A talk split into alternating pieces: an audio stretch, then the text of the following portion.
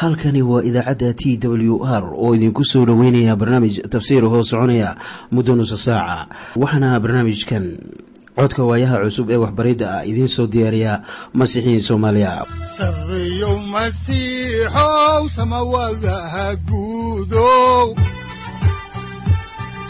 Siraadkii adduunkow subanaha eebow sareyow masiixow samawadaha guudow siraadkii adduunkow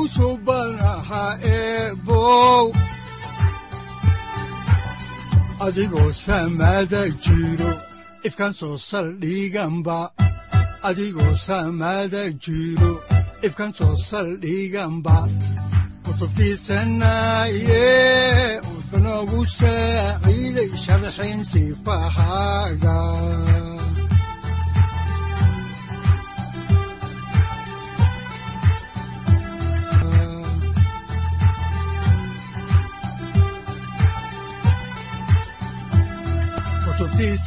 kutubtiisinayow ebanagu saaciid sharxin sifahaaga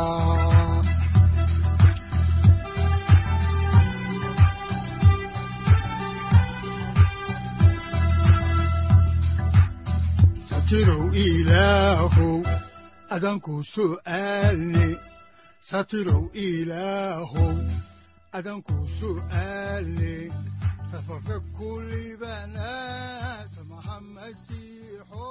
waxaannu caaway idiin sii wadi doonaa daraasaad. Aynu ku eegayno injiilka sida mataayoos u qoray waxaana daraasaadkaas loogu magac daray baibalka dhammaantii. Waxaannu macluumaad idinka siinaynaa ahmiyadda injiilkan sida mataayoos u qoray. Mawduucyada inuu horyaalna waxa weeye abtirkii ciise iyo wixii laga qoray dhalashadii ciise ka dhashay bikraddii maryama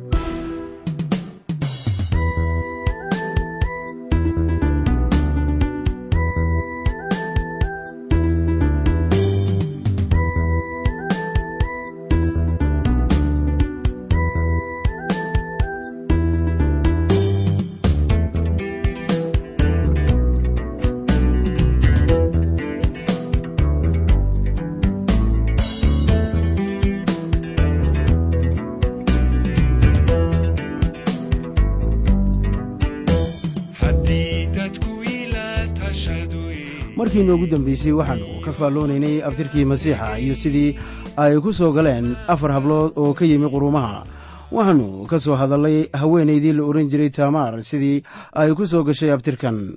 Waxaannu nidhi abtirka waxa ay ku soo gashay waxa weeye inay dembiilo ahayd awgeed caawayna waxaynu halkii ka sii wadaynaa faalladii afartii hablood ee ku jiray abtirka masiixa.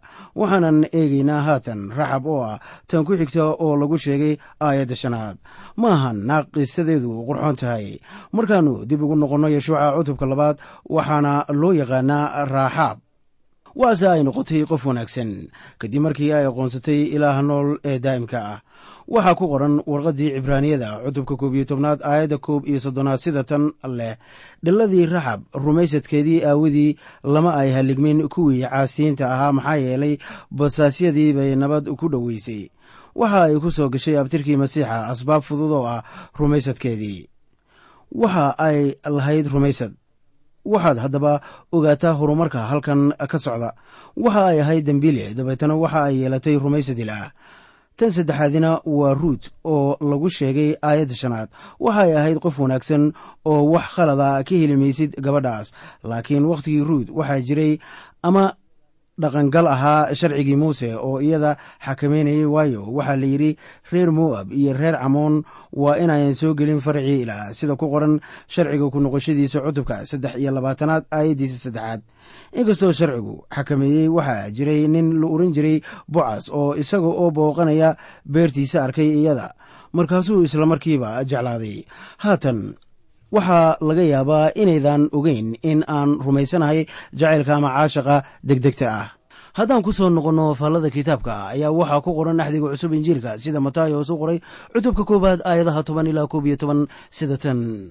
Xisqiyahna waxa uu dhalay manase manesena waxa uu dhalay amoon amoonna waxa uu dhalay yosiya yosiyahna waxa uu dhalay yekoniya iyo walaalihiis waagii baabiloon loo kaxeeyey aayadda koowaad waxaynu arkaynaa in matayos ka booday yehoyaqiim balse uu ku daray yekoniya ah marka waa inaan dareenkeenna u weecinnaa yekoniya ah waayo ilaah waxa uu yidhi mid ka mid a farcankiisa ku fadhiisan maayo dhaxalka boqortooyada. Haddaan eegno kitaabka yeremiya cutubka labayo labaatanaad aayadda afariyo labaatanaad iyo tan soddonaad ayaa waxaa qoran rabbigu waxa uu leeyahay noloshaydan ku dhaartee xataa haddii koniya ina yehoyaqiim oo ah boqorka dalka yuhuuda uu ahaan lahaa kaatunka gacantayda mid. Xataa markaas waan ka rojin lahaa meeshan. Aayadda soddonaad waxa ay leedahay rabbigu waxa uu leeyahay waxaad ninkan ku qortaan sidii madhalays oo kale iyo nin aan cimrigiis liibaanayn waayo isaga farcankiisa ninna ka liibaani maayo inuu carshigii daa'uud ku dul fadhiisto oo uu dalka yuhuuda mar dambe ka dhex taliyo.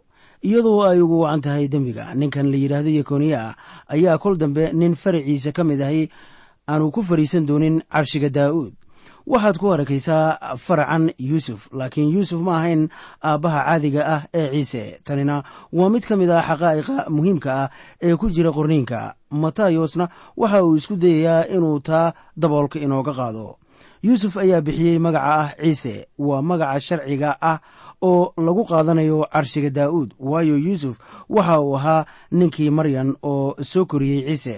Haddaba ciise masiix ma ahayn farcii yuusuf mana ahayn farcii yekoniya ah laakiin yuusuf iyo maryama waxa ay kala ahaayeen ama ka kala yimaadeen laba farac oo gala daa'uud waxaana faracoodu ka yimaadaa laba wiil oo daa'uud dhalay waxaanse arki doonnaa markii aynu soo gaarno injiilka sida luuka hoos u qoray in maryama ay ka soo farcantay mid ka mid ah wiilashii daa'uud oo la oran jiray naatan yuusuf waxa uu isna ka soo farcamay farcii boqortooyada ee sulaymaan. Markaana yuusuf iyo maryama waxa ay ahayd in ay labaduba aadaan baytlaxamti yahuudiya si ay cashuurta u soo bixiyaan waayo labaduba waxa ay ka yimaadeen farcii daa'uud sow haatan arki maysid xiisaha xamaasadda iyo ahmiyadda abtirkan leeyahay iyo qiimaha ay u leeyihiin daraasaadkeenna. Haatanna waxaa lagu soo gabagabaynayaa abtirkii sida ku qoran axdiga cusub injiilka sida matayos u qoray cutubka koowaad aayadda lixii tobnaadoo leh. Yacquubna waxa uu dhalay yuusuf oo ahaa ninkii maryan tii ciise kan masiixa la yidhaahdo ka dhashay. Sow arki maysid waxaa halkan ku istaagay xiriirkii abtirka ee ka soo bilowday aayadda labaad. Halkaasoo ay ku bilaabatay ibraahimna waxa uu dhalay isxaaq. Wixii intaa ka dambeeyey waxaynu arkaynay oo dhalay oo dhalay.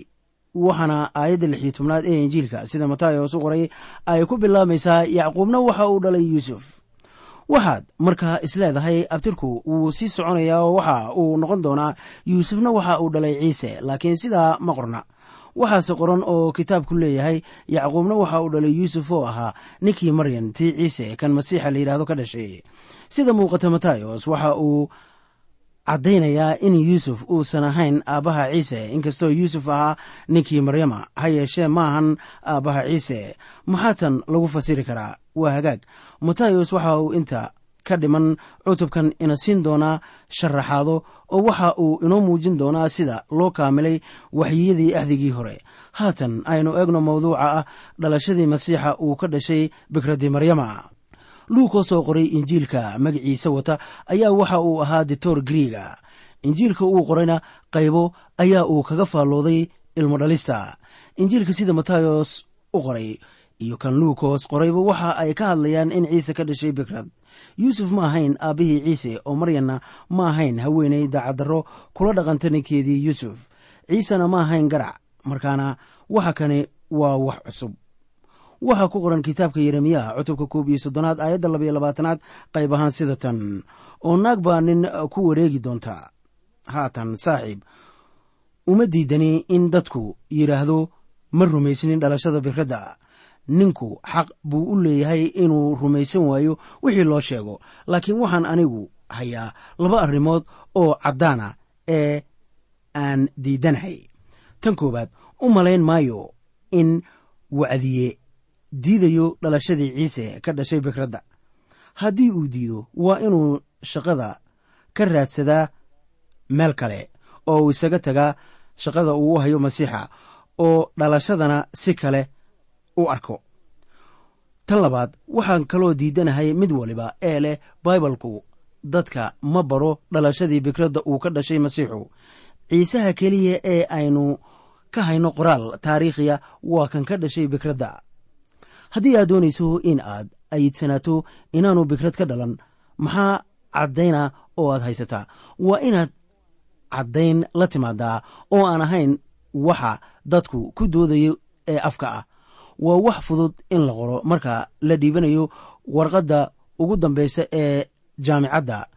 Dhalashadii masiixu ka dhashay bikradda inay tahay waxaan suuroobin waxaa laga yaabaa inaad qorto qoraallo aad u yaaba badan oo xaalkaas ku saabsan laakiin welibana maad haysatid caddayn lagu kabo diidmadaada. Waxa aad isticmaalaysaa waxa weeye caqliyan iyo xigmad bani aadan. Markaad caqliyan wax ku raadinayso ayaa laga yaabaa inaad tidhaahdo taasu ma dhici karto. Waa hagaag. Yaa tahay marka aad leedahay taasu ma dhici karto. Dhowr sannadood ka hor baa nin waxa uu yidhi suuragal ma ahan in dayaxa la tago laakiin waa la tegey. Waxaana halkaa lagu gaaray innagoo isticmaalaynaa sharciyada ilaah. Ilaah waa kan abuuray sharciyada dabiiciga ah.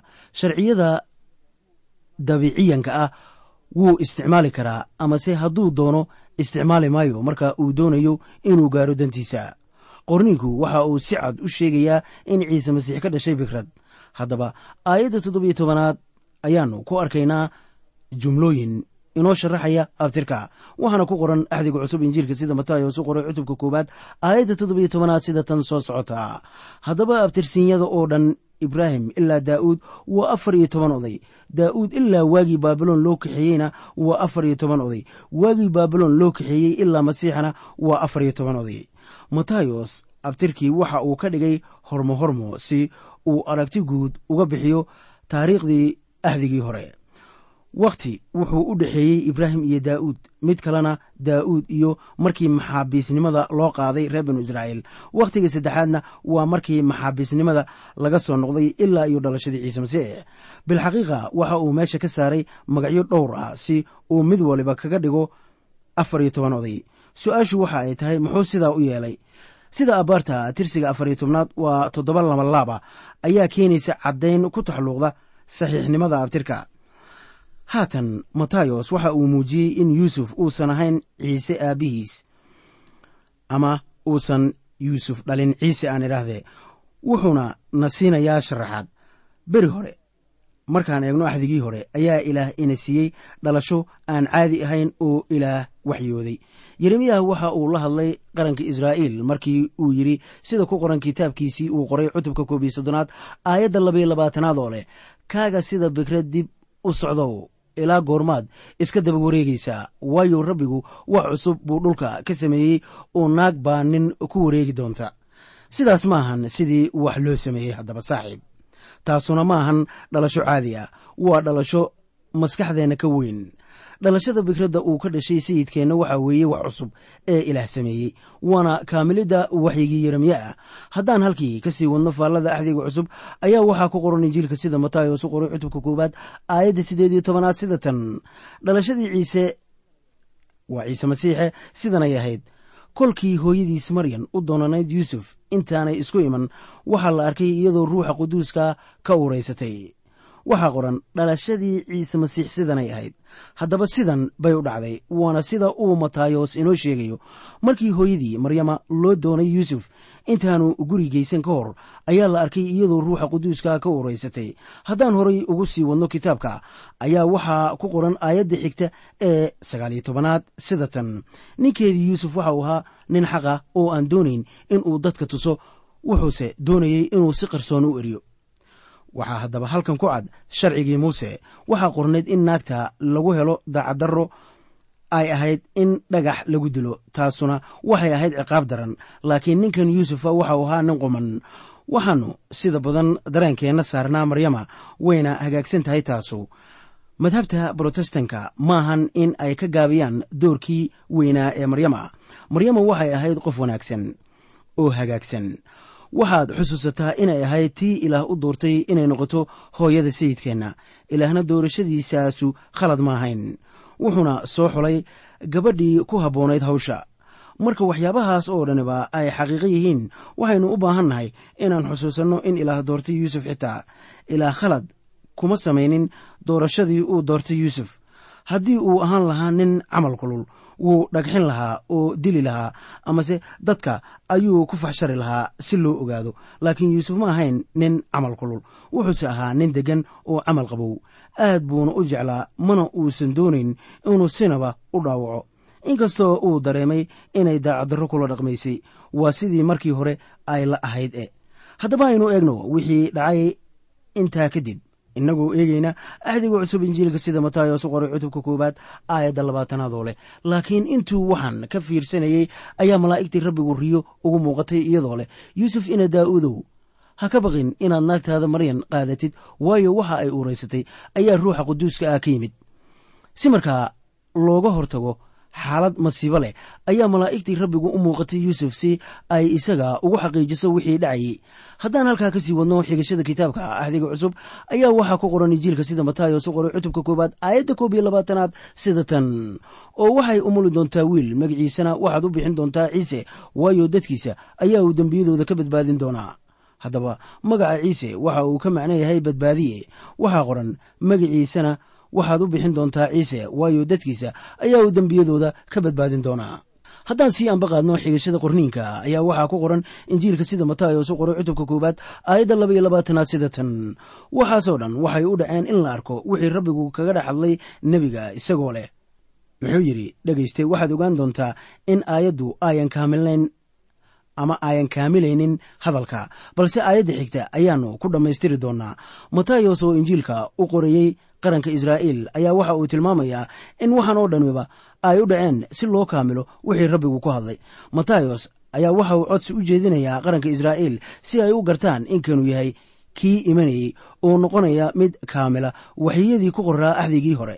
Waxaa la yidhi waxaa jiray saddex boqol oo waxyi kuwaasoo ku saabsanaa imaatinkii koowaad ee masiixa kaasoo markaa la kaamilay.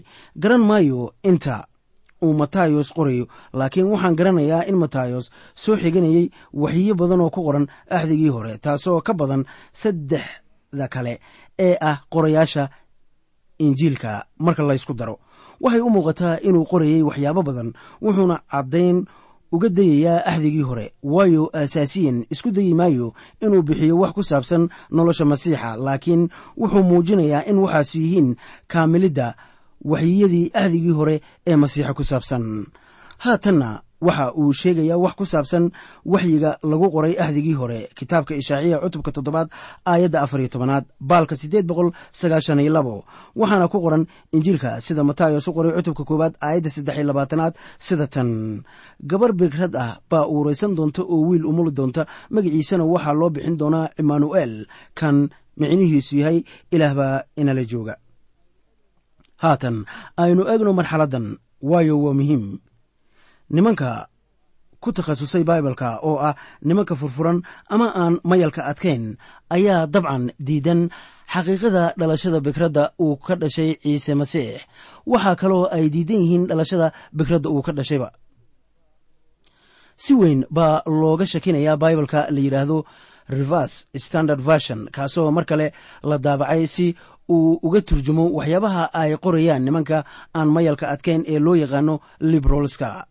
Sida xaqiiqada ah taasu waa wax hubaala waayo mid ka mid a waxbaridooda ayaa ay ku diidan yihiin dhalashadii masiixu ka dhashay bikradda sida ku qoran axdiga cusub nuqliga loo yaqaano revers standard version kaasoo la daabacay kun iyo sagaal boqol iyo lix iyo afartankii waxaana aanu eegeynaa injiilka sida matayos u qoray oo isla vershonkaas ama nuqligaasa cutubkiisa koowaad aayadda saddex iyo labaatanaad waxaana qoran waxay waxyaalahan u dhaceen si loo arko wixii rabbigu kaga dhex hadlay nebiga isagoo leh. Bal eega gabadh bikrada baa uuraysan doonta oo wiil umuli doonta. Waxaana magaciisa loogu yeeri doonaa imaanu'el oo micnihiisu yahay ilaah baa inala jira. Axdigii hore ee isla nuqliga aanu ka soo hadalnay kaasoo la daabacay ama lagu noqday kun iyo sagaal boqol iyo laba iyo kontonkii kitaabkii ishaaciya cutubkiisa toddobaad aayadda afariyo tobnaad ayaa isna waxaa qoran haddaba rabbiga qudhiisa ayaa calaamad idin siin doonaa bal eega gabadh bigrad ah ama gabadh dhallinyaro ah ayaa uu leeyahay halkan baa uuraysan doonta oo wiil umuli doonta. Waxaana magiciisa loo bixin doonaa cimanu'el haddaba nimanka qoray nuqligan baibalka ka mid a waxa ay ka beddeleen gabarh bigrad ah waxaanay u beddeleen naag dhallinyaro ah. Sidii aynu ka soo akhrinay kitaabkii ishaaciye inkastoo injiilka sida matayos u qoray cutubka koowaad aayadda saddex iyo labaatanaad ay isticmaaleen ereyga bigrad kaasoo kaamilayey waxyiga ku qoran ishaaciye cutubka toddobaad aayadda afariyo tobnaad. Haddaba waxyigan ku qoran kitaabka ishaaciye cutubka toddobaad aayadda afariyo tobnaad waxaa layna siiyey calaamad. Saaxiib markaa ay leeyihiin naag dhallinyaro ah ayaa uuraysanaysa oo wiil umali doonta ayaan taasu noqonaynin calaamad. Haddii taasu tahay calaamad markaa dunida oo dhan waxaa ka dhacaya calaamado had iyo goorba maalin kasta. Waxa ay ku beddeleen naag dhallinyaro ah meeshii la yidhi gabar bigra ah. Haddaba aynu egno qorniinka asaliga ah ee luuqadda cibraaniyada kelmadda loo yaqaano bigrad waxa weeye alma ninka turjumay nuqliga loo yaqaano rivers standard version ayaa waxa ay ka qorayeen qorniinkii gesenias oo ahaa nin wakhti badan u horay luuqadda cibraaniyada uu haystay qaamuus si weyn. Looga soo shaqeeyey oo fasiraya luuqaddaas. Ninkan la yidhaahdo gesenias waxa uu qirtay in turjumidda caadiga ah ee kelmadda alma ay tahay bikrad laakiin waxa uu yidhi waxaa loo beddeli karaa gabar dhallinyaro ah. Sababta uu sidaa u leeyahay waxa weeye in isagu uu diidan yahay mucjisadaas. Markaana luqligan cusub amaan idhaahda nuqligan cusube iyo kuwa kale ee soo raacaya waxa ay damcayaan ama ay ku doonayaan inay yidhaahdaan alma waxa ay ka macno tahay gabar dhallinyaro ah mase ahan bay leeyihiin bikrad. Haddaba aynu dib ugu noqonno kitaabka ishaaciyaah oo daraasaad ku samayno dhacdadii halkaa ku qorayd. Wakhtiga waxyiga la qoray waxa uu ahaa markii boqor aaxaas ku fadhiyey carshigii daa'uud. Aaxaas waxa uu ka mid ahaa boqorradii ilaah ka fogaa waxaana aan qirsanahay sida laga garan karo inuu ahaa boqorradii ugu xumaa ee reer binu israa'iil. Ilaa waxa uu u soo diray ishaaciya inuu isaga fariin u geeyo isaguna fariinta dhegaysan maayo. Waxaan markaa aan ka akhriyeynaa fariintii sidaa ku qoran kitaabka ishaaciyaah oo ka mid a ahdigii hore cutubka toddobaad aayadaha toban ilaa labaiyo toban oo leh. Oo weliba rabbigu mar kaluu axaas la sii hadlayo waxa uu ku yidhi rabbiga ilaahaga ah calaamad weydiiso oo waxaad ka weydiisataa meelaha hoose ama meelaha sare oo aaxaasna waxauu yidhi anigu waxba weydiisan maayo oo rabbigana innaba jarrabi maayo. Waxaan idinku leeyahay hadalka uu yidhi aaxaas waxa uu ahaa quduusnimo laba wejilanimo ay daba socoto. Ilaah ayaa weydiiyey ishaaciyah inuu waddada kula kulmo aaxaasi uu ugu geeyo fariintiisa ah in ilaah guusha siinayo aaxaas. Haddaba aaxaas ma uusan rumaysnayn ilaah markaana si niyaddiisa loo dhiirogeliyo ayaa ishaaciyah leeyahay ilaa waxa uu doonayaa aaxaasow inuu calaamad ku tuso ama ku siiyo.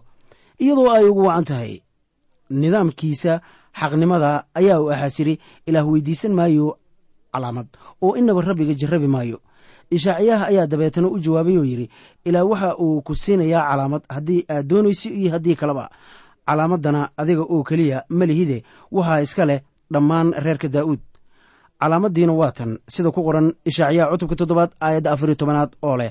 Haddaba rabbiga qudhiisa ayaa calaamad idin siin doona bal ogaada gabar bikrada baa uuraysan doonta oo waxay dhali doontaa wiil oo magaciisana waxay u bixin doontaa cimaanu'el iminkana aynu ka hadalno maaddada ah magaciisa. Waxaad ogaataa faallada yaab kale. Marka la leeyahay gabar bikrada baa uraysan doonta oo wiil umuli doonta magaciisana waxaa loo bixin doonaa imaanu'el kan macnihiisu yahay ilaah baa inala jooga. Waxay haddaba u eg tahay in dhibaato jirto halkan. Miyaad ii sheegi kartaa meel ciise loogu yeeray imaanu'el maya. Balse waxaa ciise loogu bixiyey waxa weeye in magacaasu noqonayo magaciisa waxaana magaca loo siiyey iyadoo ay ugu wacan tahay isaga oo dadkiisa ka badbaadin doona dembiyadooda. Jegadiisu waxay noqonaysaa masiix. Ciisena waa magaciisa laakiin waxaan idin leeyahay oo inta ku qoran waxaa loogu yeeraa cimaanu'el oo loogu fasiro ama fasirku noqonayo ilaah baa inala jooga saaxiib waxaa inta yaalla mid ka mid a waxyaabaha ugu yaabka badan ee ku qoran hadalladii ilaah sidan aynu u eegno. Cimaanu'eel waxa uu ka macno yahay ilaah baa inala jira. Haddaba noqon kari maayo cimaanu'eel ama ilaah baa inala jooga haddaan ninkaasu ka dhalanin bikrad. Taasina waa tan keliya ee uu ku noqon karo cimaanu'eel waxaad kaloo ogaataa ilamaa uu noqdo cimaanu'eel maahane? Noqon kari maayo ciise oo ah badbaadiyaha. Sababta ay ugu yeereen ciise badbaadiyaha waxa weeye inuu ahaa cimaanu'eel xaqaa'iqan sheegayaa in mid dunida yimid ayaa ah waxyaabaha ugu wanaagsan ee kitaabka baibalka ku jira ama ku qoran. Waxaa ku qoran warqaddii cibraaniyada cutubka labaad aayadda sagaalaad sida tan leh laakiin waxaynu aragnaa ciise kan wax yar malaa'igaha laga hoosaysiiyey isagoo xanuunka dhimashada aawadiis ammaan iyo murwad taaj loogu geliyey inuu nimcada ilaah dhimashada ugu dhedhamiyo qof waliba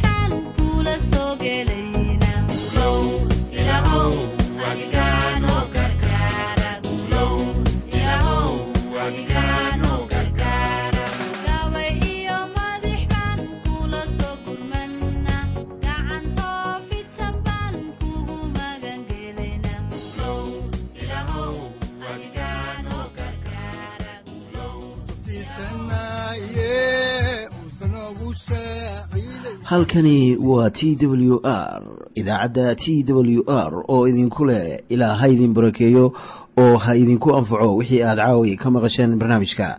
Waxaa barnaamijkan oo kalaa maqli doontaan habeen dambe hadahan oo kale haddiise aad doonaysaan in aad fikirkiina ka dhiibataan wixii aad caawi maqasheen ayaad nagala soo xiriiri kartaan som t w r at t w r c o k e dhegaystayaal haddii aad doonaysaan inaad mar kale dhegaysataan barnaamijka fadlan mar kale booqo www t t b o r g ama www t w r o r g halka sare waxaad ku arkaysaa markii aad gasho language ama luuqadda waxaana dooranaysaa soomaali haddii aad doonaysaan in aad dejisataan oo kaydsataan barnaamijka ama aad mar kale dhegaysataan fadlan mar kale booqo www t t b t w r o r g ama www t w r o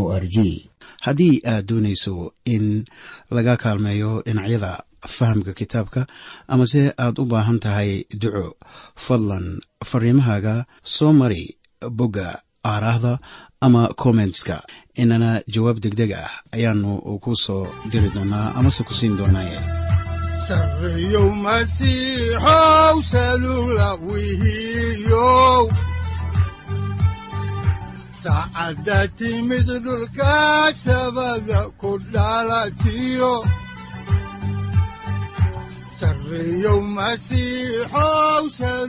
halkani waa t w r oo idiin rajaynaya habeen baraare iyo barwaaqaba leh inta aynu ka gaari doono wakhti aynu ku kulanno barnaamij la mida kan caawayay aad maqasheen. Waxa aan idinku leeyahay nabadda ciise masiix ha idinku badato xagga jirka iyo ruuxaba aamiin